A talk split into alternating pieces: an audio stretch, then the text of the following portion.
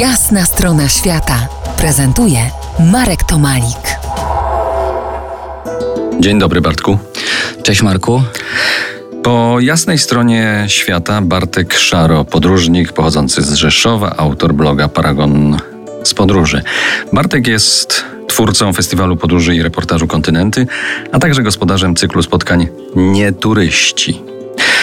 Bartku, wiem, że bardzo ładnie promujesz turystycznie Polskę, ale dzisiaj porozmawiamy o postawach, cechach, jakie warto mieć podróżując troszkę dalej. Mamy za sobą czas wakacyjnych urlopów, możemy na własny odpoczynek tu i tam spojrzeć z bardziej bezpiecznego dystansu, przygotować się przynajmniej mentalnie do kolejnych sezonów. Najpierw zimowego, a potem już tego wiosenno-letniego. Może zacznijmy tak. Komu i jak zagraża masowa turystyka?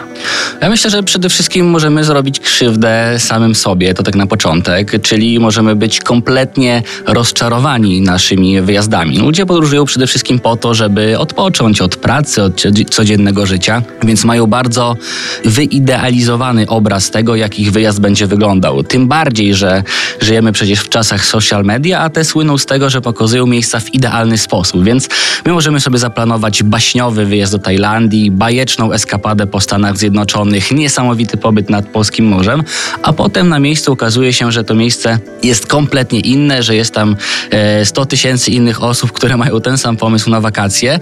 No i wracamy rozczarowani, nie jesteśmy wypoczęci, nasz wyjazd nie jest takim, jakim sobie go wymarzyliśmy.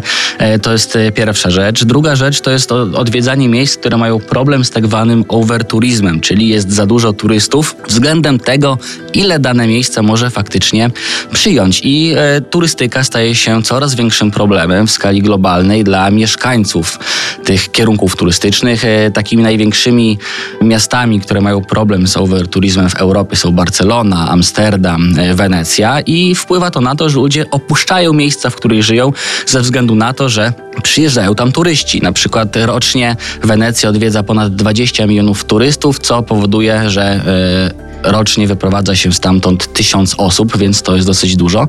No i e, możemy też, no to już jest taki temat powtarzany e, w, w mediach, w komentarzach e, już od dawna, mam nadzieję, że to się zmienia, negatywnie wpłynąć na to, jak wygląda w danym miejscu kultura. Oczywiście to jest bardzo dobre, jeżeli jeździmy do jakichś miejsc, które kiedyś nie były tak otwarte na turystykę jak teraz, bo ludzie mogą zacząć czerpać z tego korzyści finansowe, ale też musimy to robić e, odwiedzając takie miejsca mało popularne z głową, żeby ci ludzie też nie zorientowali się tylko i wyłącznie na zarabianie pieniędzy, a ciągle pokazywali tą autentyczność, którą tak bardzo lubimy w podróżach oglądać. Za kilkanaście minut wrócimy do rozmowy. Zostańcie z nami po jasnej stronie świata.